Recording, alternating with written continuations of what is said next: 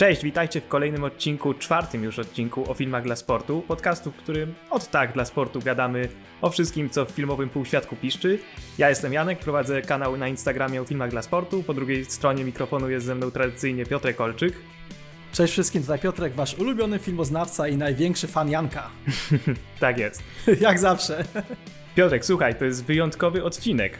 Wiesz dlaczego? Bo czwarty, bo czwarty odcinek, dlatego jest wyjątkowy. Właśnie nie tylko dlatego, że czwarty. Wyjątkowy dlatego, że obaj w końcu widzieliśmy filmy, którymi jesteśmy zachwyceni. A, no tak, no to, to, to dzisiaj będziemy w takim razie e, smarować ładnie, bo e, przypominamy wszystkim, mamy formułę trzyaktową. Najpierw polecą recenzje, potem polecą zapowiedzi, a potem sobie będziemy gadać. Więc skoro jesteś taki e, hop do przodu, Janku, w takim razie przejdźmy do aktu pierwszego, czyli recenzję. Jedziemy.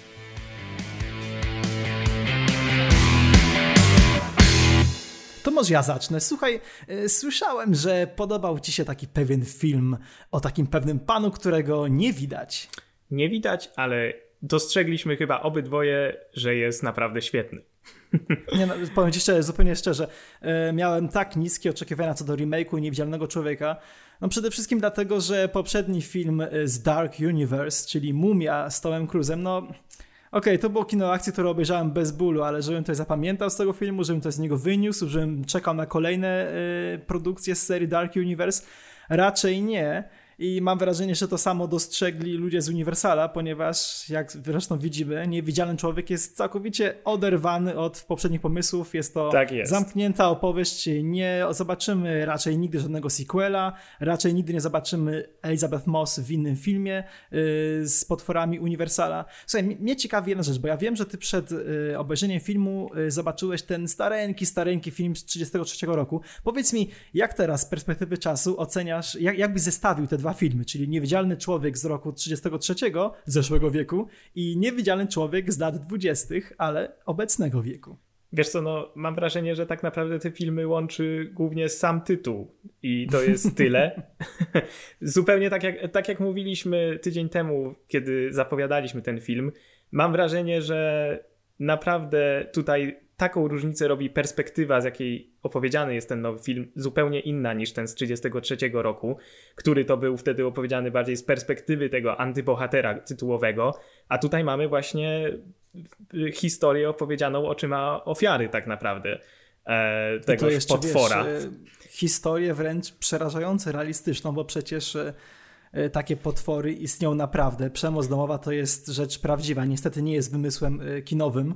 E, przemoc, terror domowy i po prostu chęć, chęć ucieczki od takiego terenu. No właśnie. No, no, właśnie, mi się strasznie spodobało to, że Griffin jest tutaj na drugim tle i przede wszystkim spodobało mi się to, że Griffin jest naprawdę paskudnym skurczybykiem, czyli właśnie taką osobą, jaką był w oryginalnej książce Wellsa.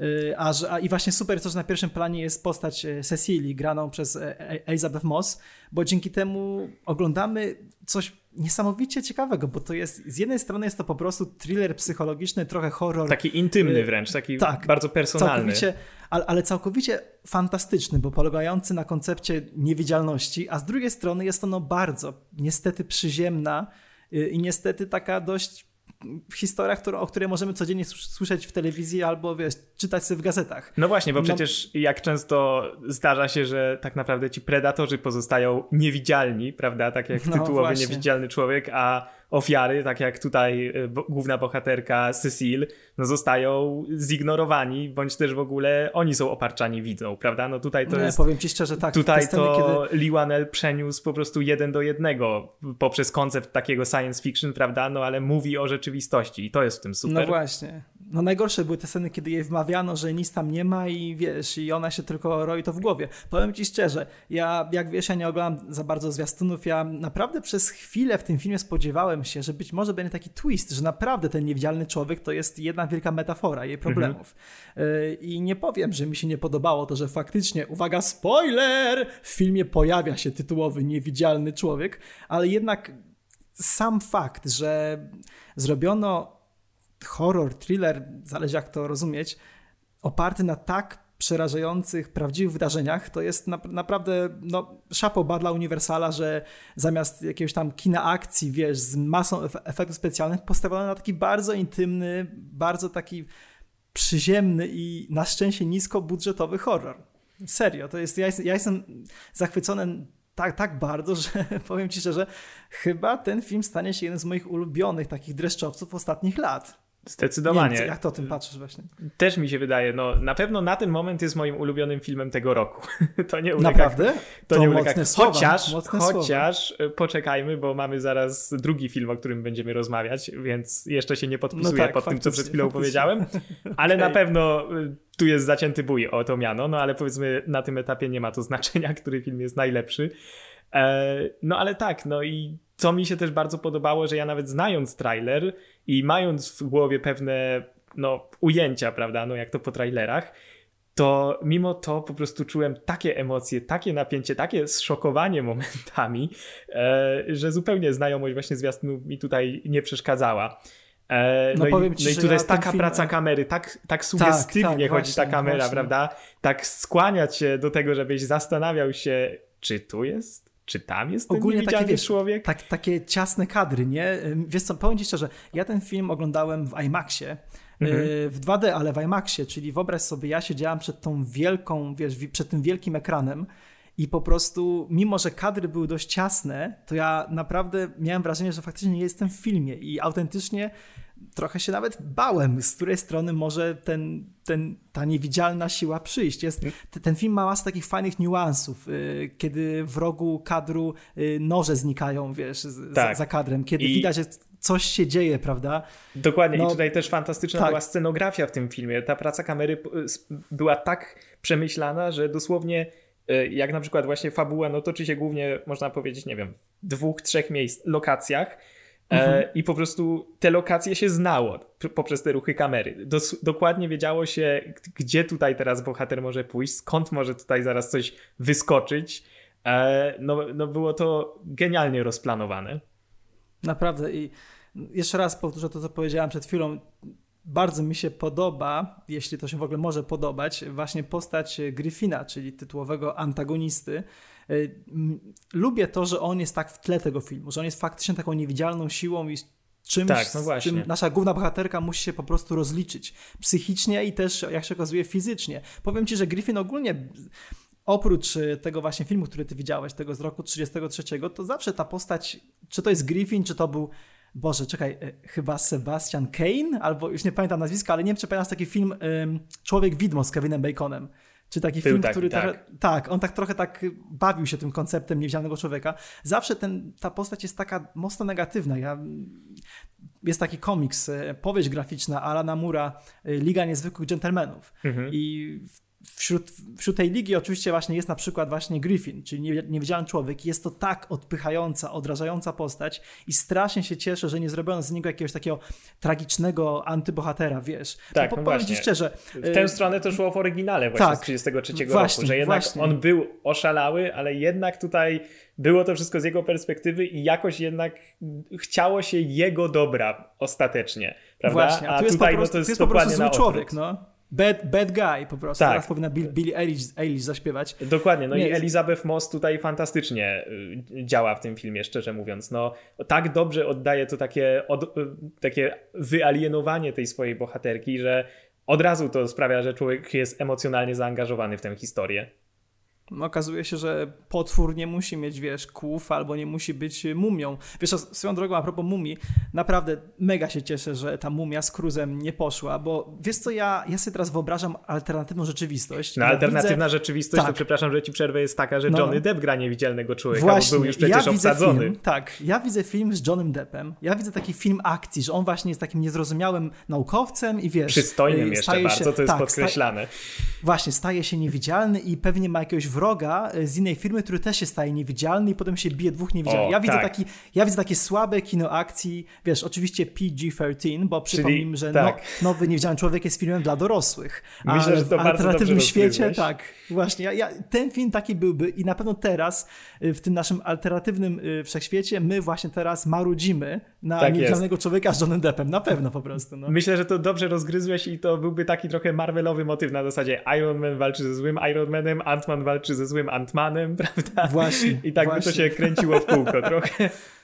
No nic, no ja, ja jestem, ja jestem bardzo szczęśliwy, że to Dark Universe zostało zaorane, bo to były próby po prostu jakichś blockbusterów bez żadnej wizji i... Słuchaj, nie wszystko musi mieć dzielone uniwersum, nie każda seria Dokładnie. musi być, prawda, w takim, w takim czymś zrobiona. Nie, naprawdę, Amen. no, I... głupio się cieszyć z porażki, ale Chyba nawet Tom Cruise chciał zapomnieć o Mumii, skoro na press release mówił tylko o Top Gunie nowym, w ogóle nie mówił o Mumii. Tak, no i myślę, jak że... robił wywiady. I myślę, że Universal mając filmu za, z budżetem 7 milionów dolarów już teraz 100 milionów dolarów w światowym właśnie, box office na właśnie. pewno nie płacze. Na pewno nie płaczą po prostu za tym. Słuchaj, no okazało się, że fajna ekipa, bez jakichś większych nazwisk, bo jednak Elizabeth Moss to wciąż jest chyba aktorka bardziej serialowa, mi się wydaje, niż Wydaje filmowa. mi się, że, że nie jest mainstreamowa, jest świetna. Właśnie, Ci, właśnie. którzy ją oglądają, wiedzą, że jest świetna, ale nie jest mainstreamowym nazwiskiem. Lee Wannell też tak się zawsze tak raczej z tyłu trzymał. On albo współtworzył filmy, tak jak Piła, no prawda? Właśnie. Albo tam właśnie robił. I cieszy mnie to, że te filmy w ogóle jest dla dorosłych, ponieważ yy, to, to jest terror, kiedy nagle pojawia się, nie wiem, rozcięcie na ręku, prawda, załóżmy, kiedy nie wiesz skąd przyszedł atak i kiedy widzisz jaka, jak, jaką, y, jakie krzywdy może wyrządzić niewidzialna siła, nawet metaforycznie, kiedy o tym mówimy właśnie, kiedy mówimy w kontekście przemocy domowej. Tam jest taka scena, kiedy nasz tytułowy anty, ja mówię, tytułowy czarny charakter y, po prostu masakruje kolejnych policjantów i ochroniarzy. To jest naprawdę, szczerze, mnie to przerażało, wiesz. Ja widziałem filmy gore, ja widziałem jakieś horrory, ale przerażało mnie to, jak po prostu ci faceci, wielcy Rosi się po prostu przewracali, bo nie wiedzieli z kim walczą. Mnie Naprawdę przera... sekwencje no. akcji były świetne po prostu. Tak, no mnie, mnie przerażały po prostu te latające noże momentami. W sensie tak, nie, tak. nic tu nie spoilerujemy jakby co, ale ale no, no nie da się ukryć, że są sceny, kiedy, tej, prze, kiedy różne przedmioty się podnoszą scenie, tak? tak. E, poprzez tę niewidzialną siłę i ja po prostu myślałem, że wtedy schowam się za, za czapką. Tak, ta jedna scena sprawiła, że ja po prostu otworzyłem buzię w tym IMAXie jak, jak dziecko, bo ja tak. naprawdę nie spodziewałem się takiego czegoś. Ale Sza, bo jeszcze coś zdradzimy za bardzo, no właśnie. jeśli ktoś jeszcze nie był, to autentycznie idźcie na ten film, bo to jest nowa jakość, bo to jest nowa jakość, to jest mega klasyczna historia, stara no ten... świat, ale zupełnie na nowo, współcześnie i przede wszystkim poważnie, dojrzale opowiedziana historia. Tak jest. Koniecznie lećcie. No i chyba tak samo dojrzała historia znalazła się w naszym polskim filmie, prawda? Oj, tak. Czyli Sala Samobójców Hater. Po tym, nieszczęs... po tym nieszczęsnym lutym tak. to aż miło. Oj tak. Ja nawet nie wiem od czego zacząć. Powiem ci szczerze, podobnie jak na Niewidzialnego Człowieka, też szedłem z oczekiwaniami, oczekiwaniami może nie niskimi, ale jednak, wiesz, tak sobie myślałem, po cholerę tworzyć nową salę samobójców, nie? No a tu okazuje się, co... że to nie ma aż tak wiele wspólnego z tą pierwszą salą samobójców, prawda? Komasa, Komasa wziął trochę po prostu setting, wziął po prostu no, swój świat i opowiedział całkowicie nową historię. E, tym razem nie skupił się na jakichś tam emo perypetiach, emo dzieciaka z bogatej rodziny, tylko no, pokazał studium charakterów, jakiego nie powstydziliby się chociażby twórcy Oscarowego Parasite albo Jokera. Ja wiem, że każdy powtarza te porównania, ale powiem ci szczerze, no mamy teraz taki czas, um, czas jednostek, które chyba chcą walczyć z systemem, które, są, które były spychane na margines, a chcą, wiesz, pokazać to, co rządzi. No. Zdecydowanie, tak no i wydaje. te elementy są widoczne gołym okiem, te, które mówiłeś, te elementy Parasite, tutaj Parasite, tutaj Joker, no aż no, ciężko o tym nie myśleć w trakcie seansu, będąc na świeżo po tych filmach, prawda? Bo warto zaznaczyć, tak że niedawno. sala samobójców, tylko wiesz co, warto zaznaczyć, że hater, y, czyli sala, sala samobójców hater, nawet nie wiem czy padł tytuł, chyba padł, y, powstał, y, skończyły się zdjęcia w grudniu 2018 roku, więc co jak co, Komasa nie mógł oglądać ani Parasite, ani Jokera, tylko po prostu chyba idealnie wstrzelił się w no, trendy teraz. To no też on... pokazuje o jego wiesz, on, on jest niesamowitym analitykiem zjawisk tak, tak. właśnie. No jak ja nie jestem szczególnym fanem pierwszej sali samobójców z 2011 roku, nie przypadł mi ten film do gustu, ale kurczę, no z perspektywy czasu naprawdę trzeba mu oddać, że tak powiem, honor, ponieważ ta diagnoza tego, mm, tego, tego cyberbullyingu, prawda, którą on już tak, wtedy tak. postawił w tym 2011 roku, no okazała się być przerażająco trafna. E, I no i co tu dużo mówić, kurczę, no jestem naprawdę pod wrażeniem też tego, jak bardzo ten film jest przeciwieństwem Bożego Ciała w wielu względach. Oj tak, e, tak, faktycznie. W obydwu przypadkach mamy bohatera, którzy e, w obydwu przypadkach mamy bohaterów, którzy niejako infiltrują, prawda, określoną grupę społeczną, tylko że w kompletnie dwóch różnych celach. Tam uzdrowienia, a tutaj wręcz destrukcji. E, I to jest niesamowite zestawienie, jak się pomyśli właśnie, że dwa lata z rzędu wypuszcza takie filmy. Mam jeszcze inny trop. Zauważ, że Boże Ciało było oparte na prawdziwej historii i było filmem raczej zanurzonym w realizmie. To nie, był, to, to, to nie była Polska oderwana od rzeczywistości. Tam nie było rzeczy jakichś skrajnie przesadzonych, ani wiesz, rzeczy, które się nie mogłyby wydarzyć. A Sala Samobójców Hater, i od razu zaznaczę, że mówię to w pozytywnym znaczeniu, jest takim filmem nieco oderwanym od rzeczywistości. Jest takim filmem nieco mhm. przerysowanym, który pokazuje trochę, co mogłoby być, a czego jeszcze nie ma. Tak mi się wydaje. Zdecydowanie Bo, te jego elementy tak, są przerysowane. Tak. Jak dla mnie momentami może na drugim czy tam trzecim planie trochę nawet za bardzo, jeśli chodzi o poszczególne postacie yy, przynajmniej. E, no ale jest to zdecydowanie no, konwencja, jaką obrał Komasa. No, nie zawsze ja ją odbierałem, wydaje mi się, tak jak sobie tego reżyser życzył, ale, no, ale generalnie widać, że chodziło mu właśnie o to, żeby wyjaskrawić jak najbardziej te wszelkie aspekty świata przedstawionego. Widzisz, ja z kolei się dostroiłem do wizji Komasy od razu, bo jak dobrze wiemy, myślę, że też zdaję sobie z tego sprawę, Komasa powtarza o tym w każdym wywiadzie, on kocha kino amerykańskie, na nim się e, wychował i chce robić filmy takie, jakie oglądał w młodości. I właśnie Sala Samobójców Hater dla mnie jest takim kinem na wskroś amerykańskim, wziętym trochę w nawias, pokazującym pewne zjawisko e, w sposób taki, jaki Ryszard chciał pokazać. Podam przykład, który, żeby nie spoilerować. Załóżmy, że w finale filmu przyleciałoby UFO. I szczerze mówiąc, ja bym w to uwierzył, bo to, bo to by po prostu było, było w pewien sposób symboliczne. E, myślę, że wiesz o czym mówię. Chodzi mi o to, że niektóre mhm. sceny w tym filmie raczej są dość mocno oderwane od polskiej rzeczywistości, ale cholera, gdyby tak się zastanowić, e, jeśli byłby Czy taki na ktoś jak... No właśnie, bo zauważmy, że no, nie można mówić yy, o hejterze i nie wspomnieć o świetnym Macieju Musiałowskim, który po prostu dla mnie jest odkryciem. Zobacz, yy, Komasa odkrył Gierszała, no odkrył no właśnie. Z Zośkę Wichłacz, Wichłacz odkrył, w mieście 44. Oczywiście, tak, oczywiście odkrył Bartka Bielenie w Bożym Ciele, no i teraz mamy Macieja Musiałowskiego, który je, Jezu, ten chłopak jest tak młody, on jest taki troszkę ekscentryczny w tak prawdziwym tak, życiu, ale i, stworzył taką kreację po prostu rasową, Taką złożoną rolę miał, Właśnie. prawda? Tutaj taką wymagającą, po prostu wszystko musiał zagrać. Tam w ogóle nie e, było fałszu, a I... przecież jego bohater ciągle posługuje się fałszem. Więc, Dokładnie, wiesz, i można za sprawą... bardzo łatwo przerysować to, przeszarżować i zrobić parodię roli, wiesz a nie zrobić naprawdę złożoną, fajną kreację. Dokładnie, no ale właśnie dzięki jego grze i dialogom, które właśnie Mateusz Pacewicz razem z Komasą napisali, to, no to ta postać była naprawdę autentyczna, naprawdę wiarygodna i też no, obracając się w świecie mediów, no y, wierzę w to po prostu, prawda? E, niestety, no to jest smutna rzeczywistość, no ale na tym to polega. No tutaj Komasa, no, no hater jest tak naprawdę właśnie jak, niejako takim studium tego zła współcze we współczesnej formie.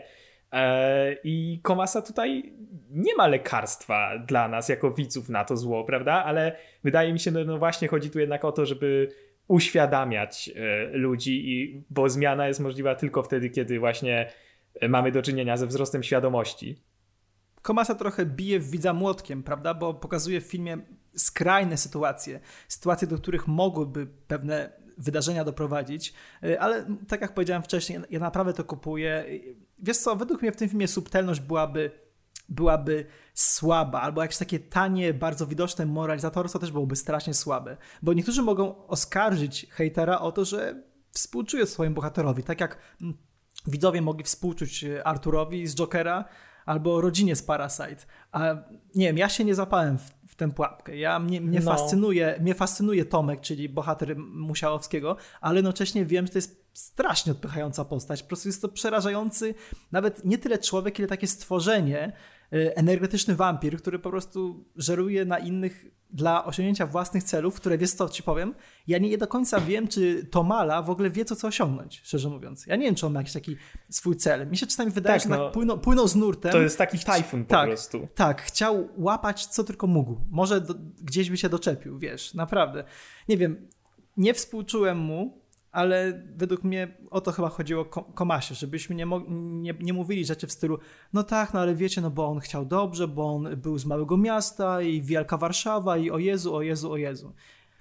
wydaje mi się, że Komasa tym filmem mówi do nas y, wprost, że hejt jest zły, tak, ale no na szczęście nie, nie używa takich tanich środków, wiesz. Jest wyraźnie postawiona linia, y, po której ten te narzędzia, którymi główny bohater operuje, się znajdują, i to jest ta linia, za którą jest to zło po prostu, prawda? To jest wyraźnie powiedziane. No i tutaj też na pewno duże ma znaczenie to, jak Komasa rozdziela równomiernie ciosy tak naprawdę w polskie społeczeństwo, prawda? Bo tutaj Owszem, tak. dostaje tak. się dostaje się na swój sposób właściwie. i lewej stronie, i prawej stronie tego naszego cudownego polsko-polskiego konfliktu. E, no, no bardzo, bardzo wyważony film, trzeba przyznać. No i, no i bardzo mocny, no co tu dużo mówić. No według po... mnie e, na przestrzeni seansu te dialogi, montaż e, i, i końcówka, która po prostu emocjonalną śrubę dokręca już maksymalnie, tak, tak. To, jest, to, no to, to, to, wszystko sprawia, tak. że ten film zostaje naprawdę na długo z widzem i, i ja długo o nim myślałem i długo o nim rozmawiałem. No, no świetne kino, no świetne kino i serce po prostu cieszy się na myśl, że mamy taki duet teraz w, w postaci Pacewicz Właśnie. Komasa, bo to jest już ich drugi film razem i widać, że ten współscenarzysta Komasie no bardzo służy. Boże Ciało było nieco krytykowane w niektórych kręgach za taką trochę miękką końcówkę, no to myślę, że końcówka hejtera to jest rzecz nie tyle miękka, tylko właśnie mega twarda. Tak, no właśnie, ale mega nie, mocna nie, nie, za, nie, zagłębiając się w szczegóły, no bo nie chcemy też spoilerować oczywiście, bo no, oczywiście. jest tu co spoilerować, mówiąc Oj wprost. tak, jest tu co spoilerować. E... Aczkolwiek myślałem, że będzie od razu po seansie będą jakieś artykuły w gazetach, będą, mhm. będzie jakaś dyskusja, ale na jeszcze się wszyscy wstrzymują chyba przed y, taką oceną. Tak, no ale no, tak czy siak fabuła jest tutaj trochę spoilerowym polem minowym. E, ale no, według mnie, gdyby końcówka nie wyglądała tak, jak e, wygląda, to tylko została trochę taka, trochę tak jednak zmiękczona, e, to, to ten film nie miał, nie byłby w stanie aż tak dokręcić tej właśnie śruby, o której mówiłem. W sensie Powiem nie szczerze, że ja się spodziewałem tego zmiękczenia, wiesz, naprawdę spodziewałem się, że jednak, mówiąc kolokwialnie, nie będą mieli jaj, żeby zrobić to, co zrobili, i, a jednak okazało się inaczej. No właśnie, ale tutaj też duże ma znaczenie ma to, że ten główny bohater jest po prostu taką jedną wielką niewiadomą i, i ty nie wiesz tak naprawdę kiedy, kiedy ty znasz jego plan, kiedy ty go nie znasz. Właśnie, właśnie. Y, I, i tutaj do, aż do samego końca tak naprawdę nie możesz być pewien. Ale wciąż, y, powiem Ci szczerze, nawet y, mamy śmieszną klamerkę małą, ponieważ przed pokazem Niewidzialnego Człowieka siedzieli nade mną tacy dość znani polscy recenzenci ze znanego mhm. portalu i powiem Ci szczerze, ich poziom czepialstwa do sali samobójców dał mi do myślenia, bo czepiali się praktycznie wszystkiego, od końcówki Ale to przez... hejtera, tak? Tak, tak, tak, hejtera. Od końcówki, przez motywację bohaterów, przez pewne postacie i zachowania. I szczerze mówiąc, całe to ich narzekanie, ja mogę wziąć taki nawias i mogę podkreślić to trzy razy i napisać adnotację. Taką wizję miał Komasa, jego amerykańskiego filmów zrobionego w Polsce, po prostu. Ci recenzenci chyba nie mogli kupić tej konwencji właśnie no Komaxa, tak, no który to... przez pewną, nie tyle symbolikę, ile przez pewne, przez pewne przerysowanie y, po prostu pokazuje swoją tezę. No powiedz mi, czy Parasite albo Joker nie są przerysowane? No, na maksa są przerysowane, a jednak są to filmy oscarowe i świetne, więc nie wiem, no, ale strasznie drugiej, mnie irytuje z drugiej strony, czy, czy Parasite jest aż tak przerysowany? Mi się wydaje właśnie, że E, że tam jakby tam nie ma, powiedzmy, między tymi rodzinami tak naprawdę żadna z nich nie jest osadzona po jednej stronie konfliktu i to jest w tym świetne, prawda? Tutaj jednak mhm. mamy wyraźnie tych bohaterów podzielonych. E, I, no i tutaj jednak bym się bym upatrywał różnicy między tymi e, Ale dwoma co, podejściami. Janek, ja ci powiem, Janek, że chodzi mi bardziej o to, że w Parasite rodzina ze slumsów jakimś cudem infiltruje rodzinę dosłownie, dosłownie ze wzgórza, a w no Jokerze były clown, a w Jokerze były clown y, przewodzi rewolucji w mieście, wiesz. Więc jakby no. o to mi chodzi, o takie pewne przerysowanie, że myślę, że raczej takie coś nie zdarzyłoby się w rzeczywistym świecie. O to no ale z drugiej strony właśnie, wiesz, nie, mówimy teraz, że nie zdarzyłoby się w rzeczywistym świecie. Komasa ten scenariusz z Pracowiczem napisali w 2018 roku e, i zanim doszło na przykład, no, hmm, no tutaj trochę byśmy już weszli na tereny spoilerowe, ale powiedzmy wydarzenia pewne z polskiej sceny politycznej, które się zdarzyły podczas finału Wielkiej Orkiestry Świątecznej Pomocy, prawda? Tak. E, no to tutaj też byłyby nie do pomyślenia jeszcze jakiś czas temu, a tutaj taki Komasa znowu jakby ubiegł, ubiegł fakty trochę w swoim scenariuszu i to jest no przerażające, jak, jak ten człowiek potrafi analizować sytuację. No i oby faktycznie jego, te, to jak ubiegł fakty było faktycznie przerysowane i oby sytuacja z hejtera się w Polsce nigdy nie zdarzyła. Mam po prostu taką nadzieję i tyle. No tak, zdecydowanie.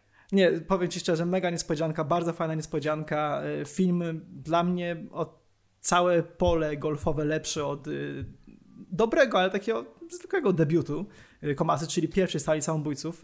Rzecz, o której na pewno będziemy jeszcze wielokrotnie mówić. Myślę, że posypią się jakieś orły. Mówię zupełnie serio. Ja wiem, że jeszcze w tym roku będziemy mieli kilka fajnych polskich filmów, pretendentów, ale wiesz, powiem ci szczerze, podoba mi się to, że oprócz tego, że Komasa zrobił świetny film, który ma bardzo fajny przekaz i, i jest kinem takim autorskim i dość ambitnym, ale jednocześnie jest zrealizowany perfekcyjnie, bo przyznasz sam, mhm. wszystko dobrze widać, wszystko dobrze słychać, yy, po prostu no, widać, że to jest poziom zupełnie światowy i w ogóle nie mam się czego wstydzić. I mam nadzieję, że hater trafi za granicę i też się spodoba widzom, tak jak się spodobał Corpus Christi.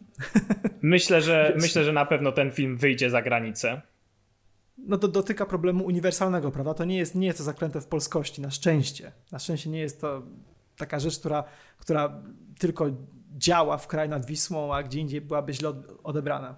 No, tak jest. życzę powodzenia. No, słuchaj, dwa świetne, super fajny ten, super fajne premiery, bo dwie, dwa świetne filmy. Jeszcze y, Pixarowy Naprzód był bardzo dobry. Mówiliśmy o nim y, trochę w zeszłym tygodniu. Mhm. Y, wiem, że jeszcze nie miałeś za sobą seansu, więc może No niestety jeszcze nie. Nadrobię w tym tygodniu na pewno. Ale, ale warto zaznaczyć, że Pixarowy Naprzód to jest bardzo porządny Pixar.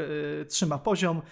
Myślę, że to świetna historia nie tylko dla, dla dzieciaków, ale też dla ich opiekunów. Ale to mówię, z chęcią sobie porozmawiam z Tobą o tym filmie, a szczególnie o jego pewnych motywach, kiedy już obejrzysz. A na razie, skoro tak mega wychwaliliśmy recenzję, to może przejdziemy do aktu drugiego. Co Ty na to? Oczywiście akt drugi, czyli zapowiedzi. Za tydzień czeka nas kolejna niezła polska produkcja, przynajmniej mamy nadzieję, że niezła, co najmniej niezła, myślę. mamy nadzieję. E, w lesie dziś nie zaśnie nikt. Widziałeś już ten film? Nie, będę go dopiero oglądał, powiem ci szczerze. No. Jestem, jestem mega ciekawy, co wyjdzie z, z naszego polskiego horroru. No, strasznie mnie też ciekawy, jak go będziemy oceniać za tydzień podczas w piątym odcinku, ale to fajnie brzmi. No. Mm, ale myślę, że dzisiaj właśnie, pra, prawie że w przededniu tej premiery, zastanówmy się właściwie, dlaczego polski horror to rzecz dla nas taka dziwna i niecodzienna. Jak, jak myślisz, dlaczego tak jest? No po pierwsze, wiele, wiele ich nie było, prawda? No właśnie, jakby ciekawe tak, czemu, wiesz. Jakby tak zliczyć, to nie sądzę, żeby było w historii w ogóle więcej niż jakieś 50 polskich horror, horrorów. O, ta, myślę, że myślę, że nawet troszkę za, za, zawyżyłem trochę, tutaj. Tak, zawyżyłeś, tak sobie myślę właśnie w głowie, czekaj, bo, bo to jest tak, ja ci powiem szczerze, kiedyś pisałem nawet mm, pracę o tym, to było wiele lat temu. W ciągu mhm. ostatnich kilku lat pojawiły się filmy, które troszkę mm, chodziły wokół horroru. To był oczywiście Demon, prawda? Bardzo tak. fajny film. Y, to był, no, Wilkołak. Strasznie mi się ten film podobał. Polskie Animal Attack, naprawdę fajny. Tak jest. Ty no, widziałeś Wilkołaka, prawda? W, widziałem, Adriana Panka Naprawdę. Film film, który y, jak nie polski prawie, prawda? Y, świetne role dzieciaków i naprawdę fajna, y, fajna obsługa tych powiedzmy piesków dzikich. Był taki film, który mi się kojarzył z dziełami studia A24 naszego ukochanego, to był Wieża Jasny Dzień. Tam było no mało i... horroru, to bardziej by taki niepokojący klimat, ale wiesz, to są ostatnie lata, a wcześniej to właściwie nie było praktycznie nic. Ja nie będę tu wspominał w ogóle o legendzie pana Pujszo, bo to jest szkodliwe antykino, prawie jak kinowegi, ale powiem Ci szczerze, z tych takich starych horrorów, ja kojarzę na przykład taki film Medium, to były lata 80. Mhm. Słuchaj, wyobraź sobie, że to był film, w którym naprawdę miesza, mieszały się e, okultyzm, jakieś e, tracenie pamięci, ludzie snujący się po ulicach międzywojennego Sopotu. Naprawdę fajny, fajny klimat. E, film, który zdaje się lepiej hasy poradził w ogóle na zachodzie niż u nas i u nas jest tak, wiesz, zbywany, że a, to polski horror, to pewnie słabe, a tymczasem medium warto sprawdzić, no. Takie rzeczy jak Wilczyca to mnie się nie za bardzo podobały, bo to było takie, nie, kojarzysz Wilczycę w ogóle? Taki nasz polski Wilczycy nie oglądałem, powiedzmy. Wilczycy właśnie to nie wiesz, oglądałem. Wiesz, gołe baby, dużo krwi i takie tam sprawy, mówiąc wprost. Mm -hmm. to jest takie, taka rzecz. Y, był taki film Lokis, mm, tam był taki podtytuł, zapomniałem jak, rękopis coś tam. No i Czekaj, oczywiście Opętanie że... Żuławskiego też. No tak, o, o Opętanie Żuławskiego było bardzo fajnym filmem. On y, zdaje się, że w ogóle mm, on był, on chyba on chyba w ogóle do, też bardzo dobrze y, poradził sobie na zachodzie. Y, był taki super film, słuchaj, Diabeł Żuławskiego właśnie, też Żuławskiego. Mhm. Y, to był świetny film, tam grał Wojciech Przoniak. Jeśli nie widziałeś, to koniecznie nadrób tego Diabła, bo naprawdę film z lat 70., chyba z początku i to jest taki mega fajny klimat, wiesz. Tam był rozbiory Polski, jakaś siła, która nakazuje pewnemu facetowi właśnie popełnia zbrodnie za pomocą brzytwy. Naprawdę tam klimat można tą brzytwą po prostu kroić. Ale tak, faktycznie ale... po, tych, po tych latach jakoś tak to minęło, no. Tak, ale Niestety. właśnie mówiłeś jeszcze wcześniej o Wieży Jasny Dzień, którą zrobiła mhm. Jagoda Szelc. Tak, e, tak, właśnie, Jagoda Szelc. To jest moim zdaniem jedna z obecnie no, najbardziej, no największych nadziei polskiego kina, ta yy, yy, właśnie Jagoda Szelc. E, no, wieża i Wieża Jasny Dzień i Monument, e, który wyszedł chyba Monument, później. właśnie. Też Monument, właśnie jej tak. film. Jej film notabene to była chyba jej etiuda zaliczeniowa w ogóle mhm. łódzkiej filmówki. I tam właśnie obsado, obsadę stanowią głównie studenci właśnie szkoły filmowej z Łodzi. No i obydwa te filmy są niesamowite, mają taki klimat, są takimi no, no tak balansują między e, thrillerem a horrorem. No Monumentowi bliżej jest do takiego stricte horroru w -hmm, wielu elementach mm -hmm, tak, niż tak. wieży. E, no ale w obydwu po prostu ten klimat grozy leje się z ekranu i jest tam taka wizja, tyle oryginalnych pomysłów. Ale tyle, co, wszystkie te... Tak niesamowita reżyseria właśnie, prawda? Tak, no, i w ogóle tam naprawdę... ten hotel, prawda, ja pamiętam, Monument naprawdę, Monument świetny film, taki niepolski, prawda? Właśnie dla nas taki obcy wręcz, jeśli chodzi o kino takie nasze, które my znamy. Tylko wiesz co, i Monument, i Medium stary, i Monument, i Wieża, to wszystko to są takie filmy bardzo psychologiczne, prawda? Zauważyłeś, że brakuje, brakowało w polskim kinie takiego naprawdę takiego horroru bardzo że tak powiem, nawet prostackiego, prawda? Po prostu Klasy ręk, no. Tak, ręka, noga, mózg na ścianie. No, wydaje, wydaje, mi się, że, że właśnie, no właśnie w lesie dziś nie zacznie nikt, to będzie tego typu kino, masz tak trochę obawiam no tego. Dokładnie, szczerze. to samo chciałem powiedzieć, no i wydaje się że też po tym, co ty opowiadałeś w e, którymś z poprzednich odcinków naszego podcastu, że no twórcy się tego w żadnym stopniu nie wstydzą, prawda? Oni nie, się cieszą z tego, że taki film robią i, i z radością i z pasją wprowadzają go na ekrany i kin, no i właśnie kurczę, według mnie ta pasja się liczy i to jest to, w czym upatruję naprawdę nadziei, jeśli chodzi e, o ten film. E, no, no zobaczymy, co z tego wyjdzie. No już całkowicie nie spodziewam się czegokolwiek y, oryginalnego tutaj. Myślę, że to będzie naprawdę szło po utartych schematach, ale, no, ale liczę na tę pasję. Liczę na to, że będę po prostu no tak. czuł, że ci ludzie się cieszyli robiąc ten film. No wiesz, no twórcy, twórcy zupełnie jak John Hammond w Parku Jurajskim nie szczędzili środków, czyli wiesz, tam efekty będą krwawe, naprawdę dobre, widziałem to, aktorzy są świetni, Gabriela Muskała, Metwaldowski, no, Wieniawa w roli głównej. to, to, no było takie, to było takie niepolityczne. Ale po prostu ja już wiem, że pewnie będzie mnie trochę irytować to, że ten film jest taki, powiedzmy, śmieszkowaty. Bo autorzy też w ogóle nie ukrywają, że to będzie taki slasher właśnie. Czyli będzie trochę straszno, trochę śmieszno i pewnie nawet znać schema to drugie.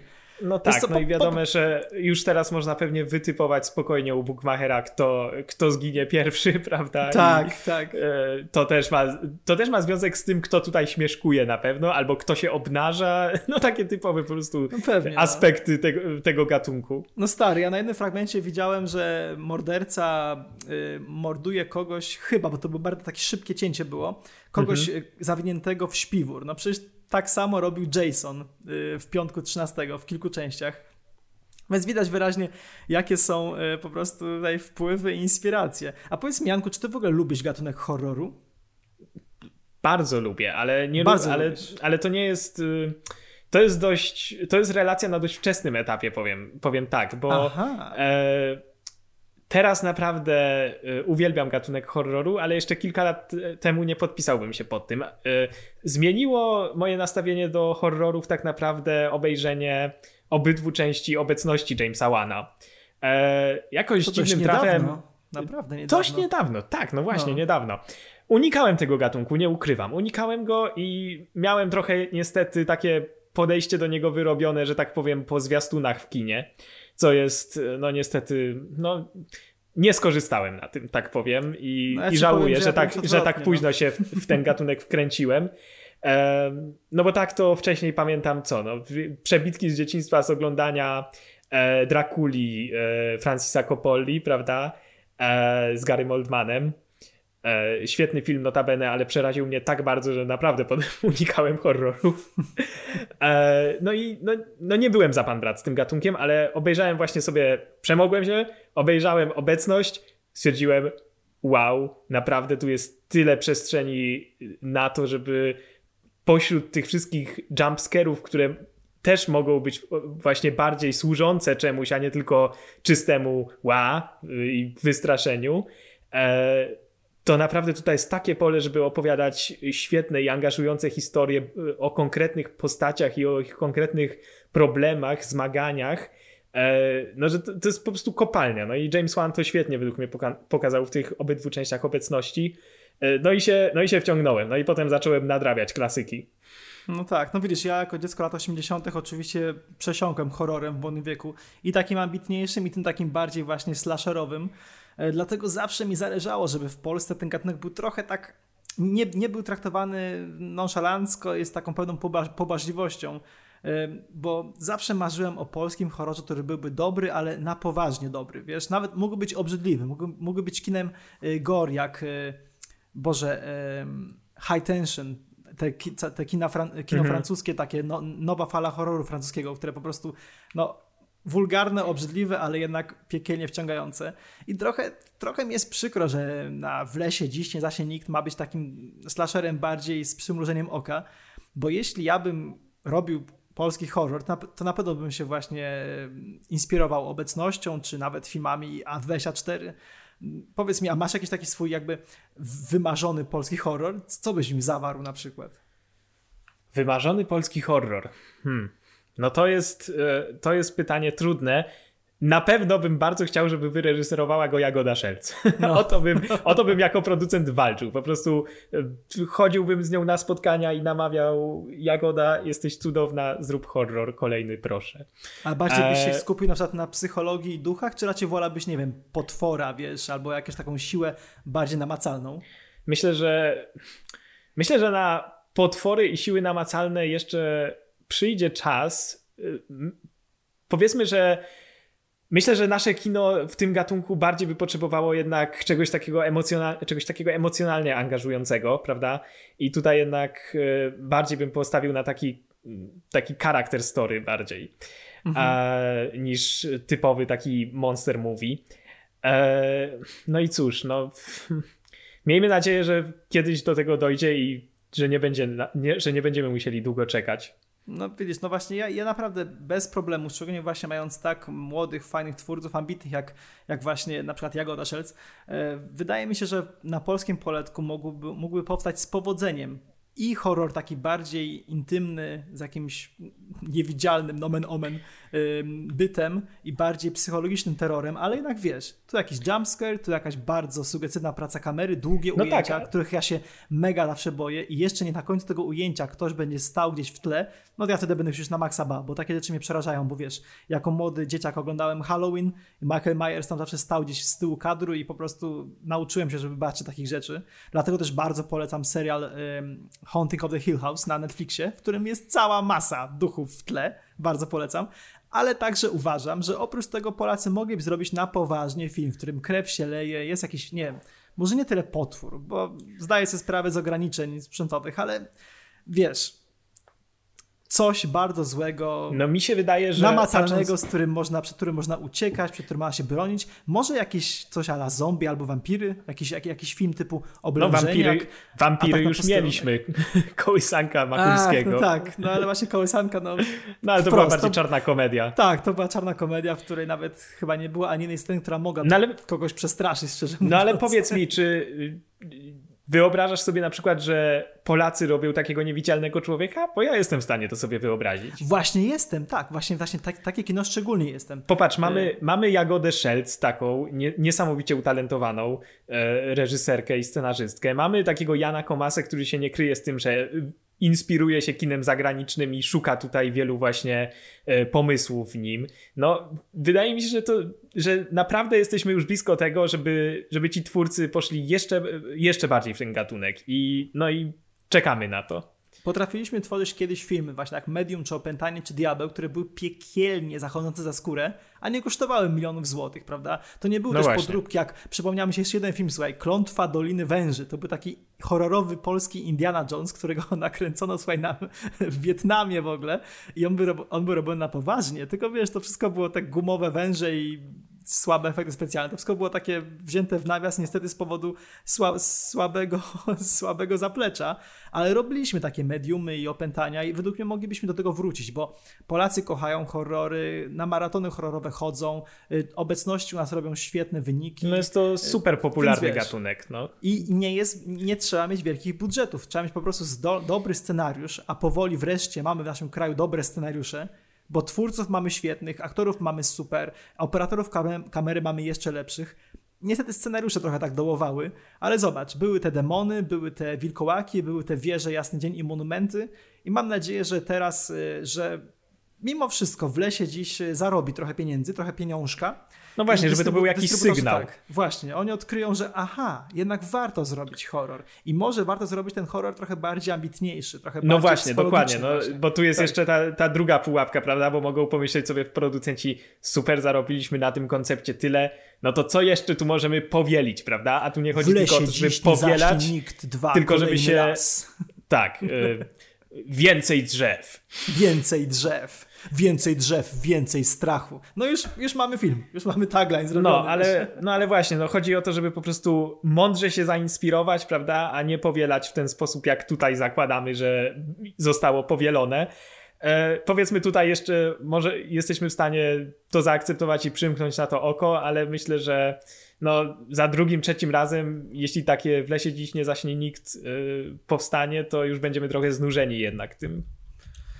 No, trzeba przyznać, a, aczkolwiek powiem Ci szczerze, in, in, in Bartosz Kowalski We Trust, czyli rozumiem, że spodziewamy się, że nie będzie tak źle i trzymamy kciuki, tak? Z nasz polski slasher. Tak jest. Liczę, no. liczymy na przewidywalny, ale naprawdę solidny slasherek. Na dobrą rozrywkę. No a skoro tak bardzo liczymy, to też liczmy na to, że bardzo nam płynnie pójdzie akt trzeci, czyli rozmowy o filmach Newsy. dla sportu. Ale nie tylko o filmach, ponieważ no pojawiła właśnie. się ostatnio informacja, że zostanie zrealizowany przez HBO, jeśli się nie mylę, serial na podstawie popularnej gry The Last of Us. Och, I, tak, tak, tak. I tak, ja wiem, tak, że tak. ty jesteś wielkim fanem tejże gry. I, powie, I teraz ci powiem tak. Sprzedaj mi ten koncept. Ja Dobra. w grę nie grałem. Wiem o niej tylko tyle, że jest świetna. Nie wiem dlaczego jest świetna. Wiem, że ty się nią jarasz, wiem, że mnóstwo moich znajomych się nią jara, ale nie znam jej. Sprzedaj mi ten koncept i żebym ja, człowiek, który no z reguły, znaczy z reguły, no po prostu tak wychodzi akurat, że nie oglądam wielu seriali, żebym akurat teraz pomyślał, że ten serial chcę obejrzeć. Czyli rozumiem, że robimy mały spin-off o serialach dla sportu. O serialach dla sportu. Tak jest. Słuchaj, słuchaj, po pierwsze, chyba dla mnie osobiście, prywatnie najważniejsze. The Last of Us sprawiło, że na nowo zacząłem grać w gry i doceniać mhm. gry. Po prostu zobaczyłem poziom, którego wcześniej nie widziałem. Wiesz, ja gram w gry od praktycznie początku swojego istnienia. Czy to były jakieś Pegasusy, Nintendo i Mario, czy to były Lego jakieś, Racers. Czy to były, czy to były jakieś pecety i wiesz, Prince of Persia czy Wolfenstein 3D, w którego jeszcze nie mogłem grać, bo za brutalny, ale już rok później w Duma mogłem grać. Wiesz, okay. od, od początku lat 90. po prostu gram, ale potem miałem taką przerwę, bo nie wiem, no trochę dorosłem, i, a gry ciągle polegały na, na, tym, że się biegało ludzikiem i się strzelało. Coś tam słyszałem, że na jakichś tam konsolach typu PlayStation, których ja nie miałem, są jakieś rzeczy ambitniejsze, no ale u mnie na PC to głównie się chodziło, rąbało te potwory i demony i cóż, wtedy mega wsiąkłem. I fajnie w... było. No właśnie, me mega wsiąkłem w kino, wiesz, mega się zainteresowałem, skończyłem liceum o profilu filmowym, poszedłem na studia o profilu filmowym i wiesz, no i stworzył się taki na, na, nasz Piotr filmoznawca, a tymczasem z powodu... Gry różnych... przybrały wymiar filmowy. No, no tak, a tymczasem z powodu tam różnych rzeczy w ręce wpadła mi kilka lat temu, chyba z pięć lat temu, może 4 lata temu, nie, chyba z, chyba z 5 lat temu, y, albo nawet 6, wpadła mi w ręce właśnie zarówno konsola PlayStation 3 wtedy, jak i gra The Last of Us. Gra, o której słyszałem wiele, słyszałem, że jest taka dojrzała i dobra, ale w którą nie miałem okazji zagrać. No i słuchaj Janek, no po prostu wsiąkłem. Naprawdę wsiąkłem. powiem ci szczerze, dla osoby, która tak kocha kino jak ja, to gra, która jednocześnie jest świetną grą, czyli mogę w nią grać, nie tylko oglądam piękne obrazki, która jest jednocześnie bardzo filmowa, korzystająca y, po prostu pełną garścią czerpiąca z takiego, z takiego kina postapokaliptycznego i jednocześnie dodająca coś od siebie, dla mnie to było objawienie. Wiesz, mhm. tak naprawdę to jest. Ja, ja pamiętam, jak ja grałem to w domu, i moja mama, która naprawdę nie, nie, nie, nie miała nigdy z grami po drodze, no przystawała albo wręcz siadała na kanapie, sprawdzając, co tam właściwie robię na tym telewizorze, bo naprawdę ją to wciągało. Słuchaj, y, The Last of Us y, zdobyło chyba pierdyliard nagród gry roku.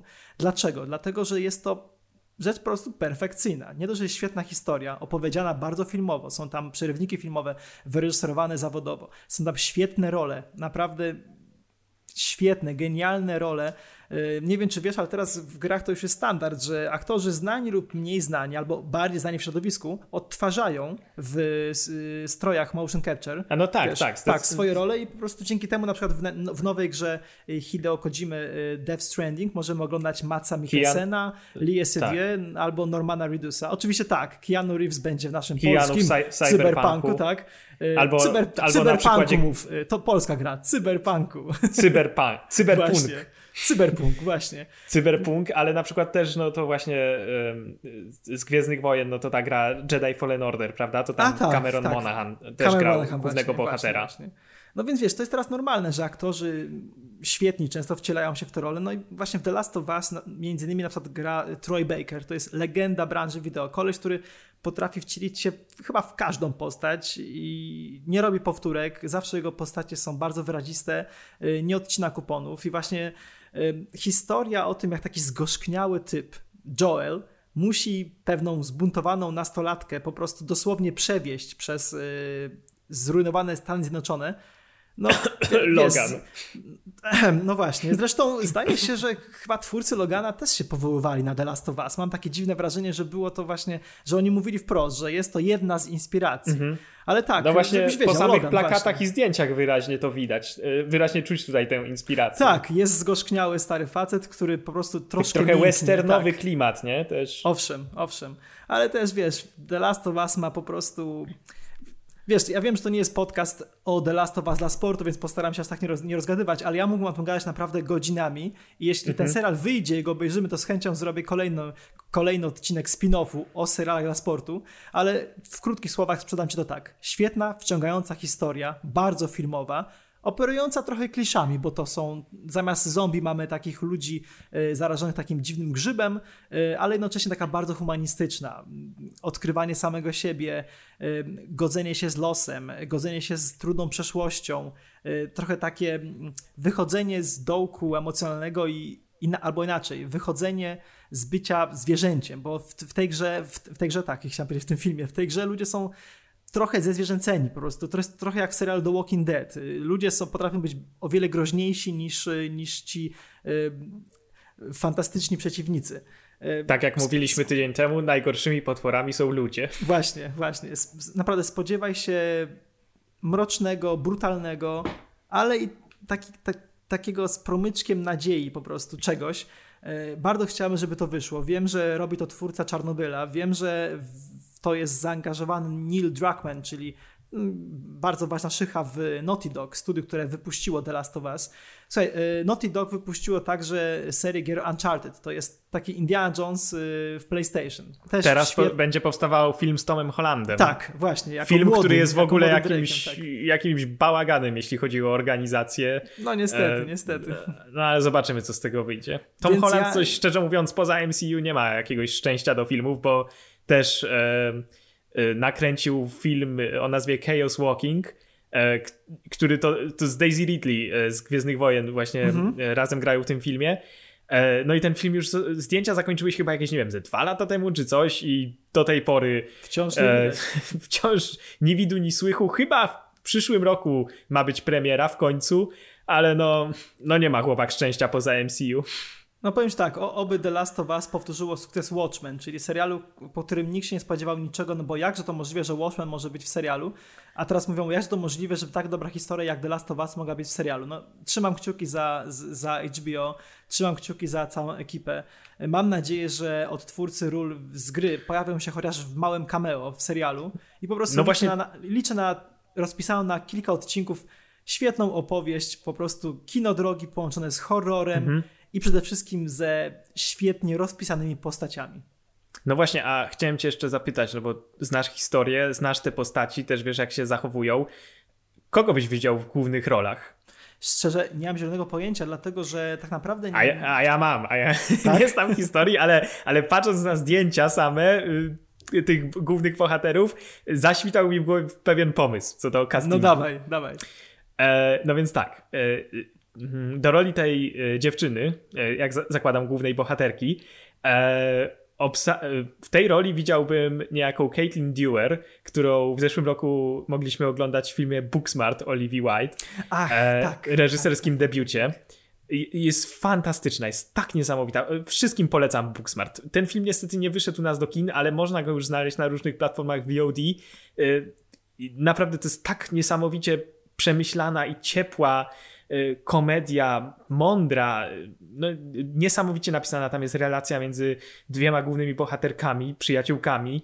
E, no i ta Caitlin Dewar właśnie gra jedną z głównych ról i no, jest fenomenalna. E, no i właśnie też z wyglądu jest bardzo podobna do tej bohaterki The Last of Us, przynajmniej na tak, mój do, rzut oka krótki.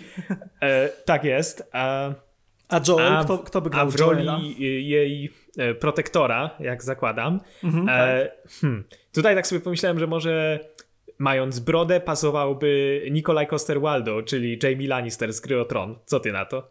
Powiem ci szczerze, że mm, twój e, typ się łączył z typem takiej YouTube'owej, YouTube'owego kanału Watch Mojo. Tam też tak? właśnie powiedzieli, że Nikolaj Coster-Landau byłby świetnym Joelem. Powiem o. ci tak, Nikolaj Coster-Landau, gdy zapuści brodę i ma taki minę zbitego psa, to faktycznie pasowałby idealnie, naprawdę.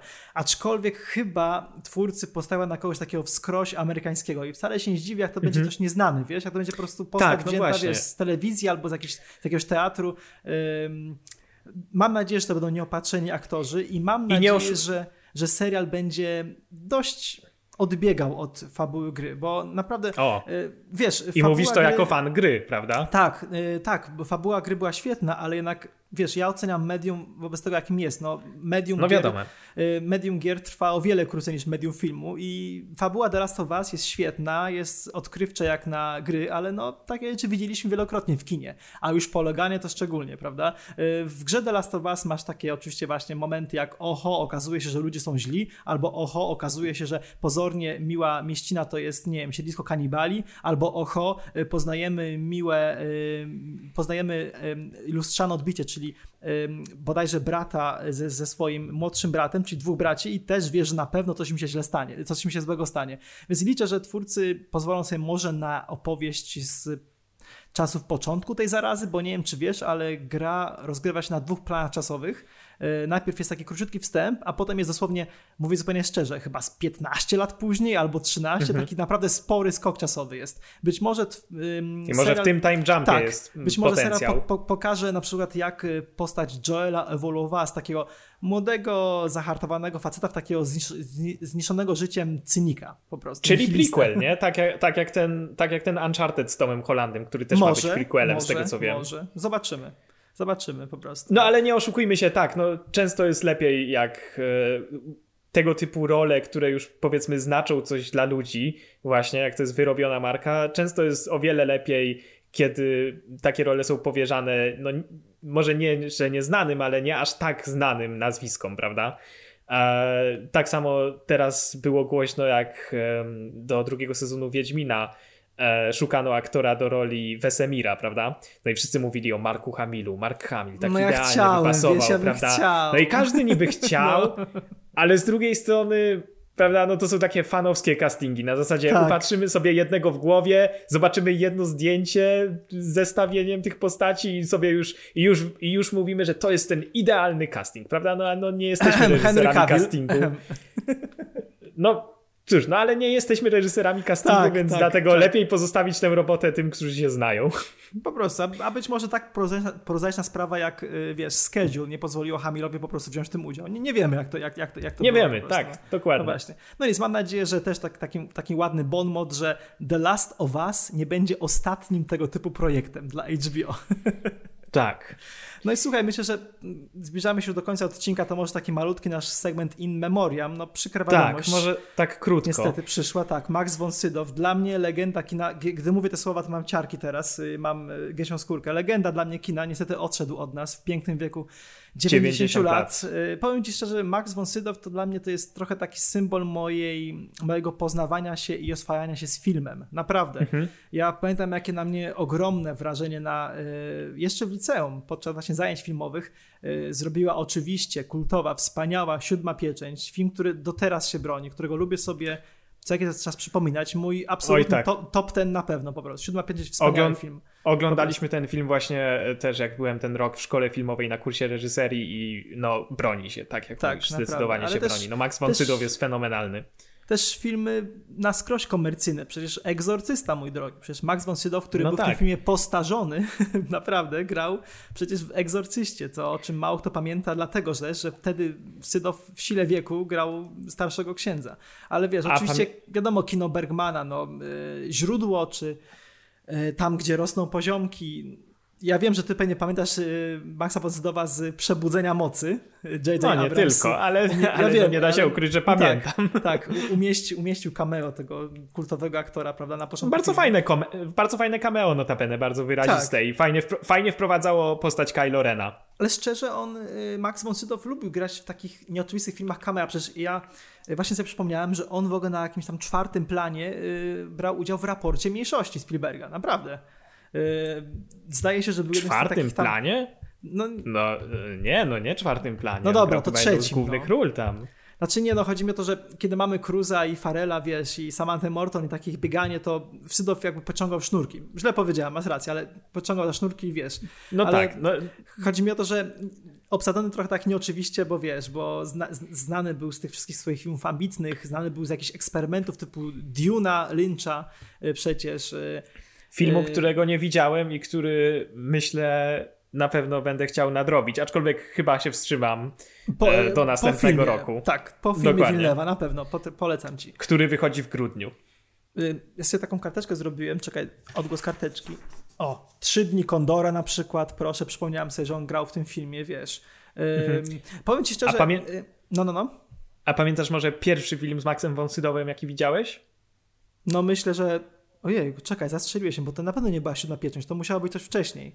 Tylko chyba nie wiem, czy pamiętam, szczerze mówiąc, wiesz? dla, mnie, dla mnie to była Wyspa Tajemnic. E, Ach, której no przecież, Scorsese. on też tam grał, oczywiście. Wyspa Tajemnic. Film. Po prostu przeraził mnie do szpiku kości, jak go oglądałem w kinie w 2010 tak, roku. Max von Sydow e... miał, miał coś w sobie, miał taką prezencję, prawda, która sprawia, tak, on, że każdą ta... postać, którą on grał, była nawet obarczona taką, takim ciężarem wręcz po prostu. Taką Ten... aurą też, tak, prawda? Tak. I, i na tej, wy, na tej właśnie wyspie tajemnicy, na tej tytułowej wyspie on grał jednego z doktorów i tak, e, no i miał w sobie, tak, coś, miał w sobie coś takiego, takiego mrocznego, powiedzmy, prawda? No ale Scorsese go fajnie poprowadził tam, no Bardzo i film fajnie, był niesamowity. Naprawdę. Nie, no powiem ci szczerze, mm, jest, jest, tak, jest też taki film... Yy jego rodzimy, ja nie widziałem tego filmu, nazywa się Pele Zwycięzca. Ja ten film sobie cały czas od, odkładałem, odkładałem, odkładałem. Podobno tam Max von Sydow gra świetną rolę i to jest chyba film, który, no niestety przykro, ale z okazji no, śmierci po prostu obejrzę. Nadrobię, mhm. nad, nadrobię tytuł, na który zawsze brakowało mi czasu, a teraz kiedy wiem, że już nie zobaczymy Maxa von Sydowa na ekranie, no to chyba właśnie będę chciał tego Pele Zwycięzcę obejrzeć. Wiesz, myślę, że no, wiele, myślę, że wiele osób prostu, poznało, tak. poznało Maxa von Sydowa też e, ostatnimi czasy za sprawą Gry o Tron, bo po Owszem. właśnie takim komercyjnym występie w Gwiezdnych Wojnach, króciutkim, e, zagrał też właśnie Trójoką Wronę, Trójką Wronę. E, w, w jednym z sezonów Gry o Tron, bodajże w szóstym wydaje mi się. widzę, że o serialach dla sportu się rozszerza. Tak, tak. tak, no i no, ja nie no, pojedyncze oglądałem. Właśnie, właśnie. Nie no, Max von Sydow naprawdę, no rola, znaczy aktor, aktor wybitny, tak jak trochę teraz wspomnieliśmy, chciałem to dobitnie zaznaczyć, samą prezencją, samym wyrazem twarzy i samym głosem po prostu potrafił budować rolę po prostu. Jak za, wiesz, za dotknięciem czarodziejskiej różdżki potrafił taki film bardziej sztampowy wywindować po prostu mm, mhm. na szczyt. Przecież on, on, on grał też w jakichś szrotach strasznych, pojawiał się Teraz się musiałem wspomóc trochę Googlem, bo pojawił się w tle takiego filmu strasznie głośno, niesamowicie blisko. Y, pojawił się, uwaga, we Flashu Gordonie przecież, czyli to, to nie był tylko aktor A, kojarzony z kinem artystycznym, prawda? Wiesz, y, Flash Gordon miał duże znaczenie dla przyszłości kinematografii w ogóle. No, Flash, a i tak dalej. Ale no co by nie no... mówić, to Flash Gordon zainspirował George'a Lucasa w dużej mierze kiedy wymyślał wiesz, wiesz co? Gwiezdne ja, Wojny. Ja mówię właśnie o Flashu Gordonie, który powstał z powodu Gwiezdnych Wojen. Ten z muzyką Queen. Wiesz, nie ten taki stary Flash Gordon, nie Aha, ten komiksowy, serialo, serialowy, okay. tylko taki ten kinowy, ten taki powiedzmy o wątpliwej jakości film. No tyle. tak. Y, masz jakiś film z cudowym, który bardzo chciałbyś zobaczyć i nie jest to Duna?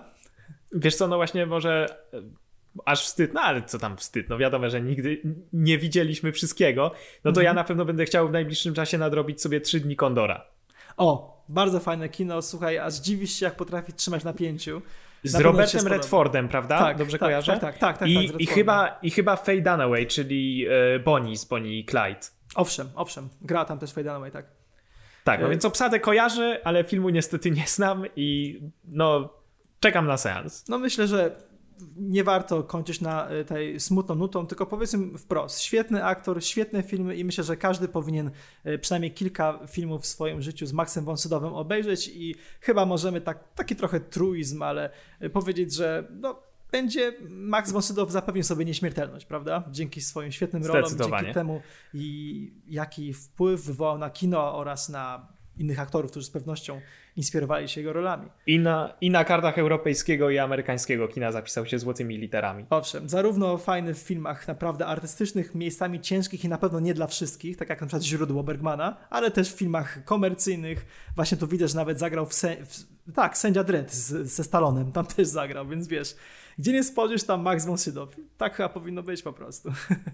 Tak jest. No i co? I tą właśnie tym akcentem chyba zakończymy nasz czwarty odcinek tak o jest, filmach chyba dla sportu. Czas. Y, dzięki, za, dzięki Wam, że nas posłuchaliście. Bardzo y, dziękujemy. widzimy się na falach naszych y, za tydzień. Mówili do Was Piotr Olczyk i Jan Kapturkiewicz. Trzymajcie się. Cześć.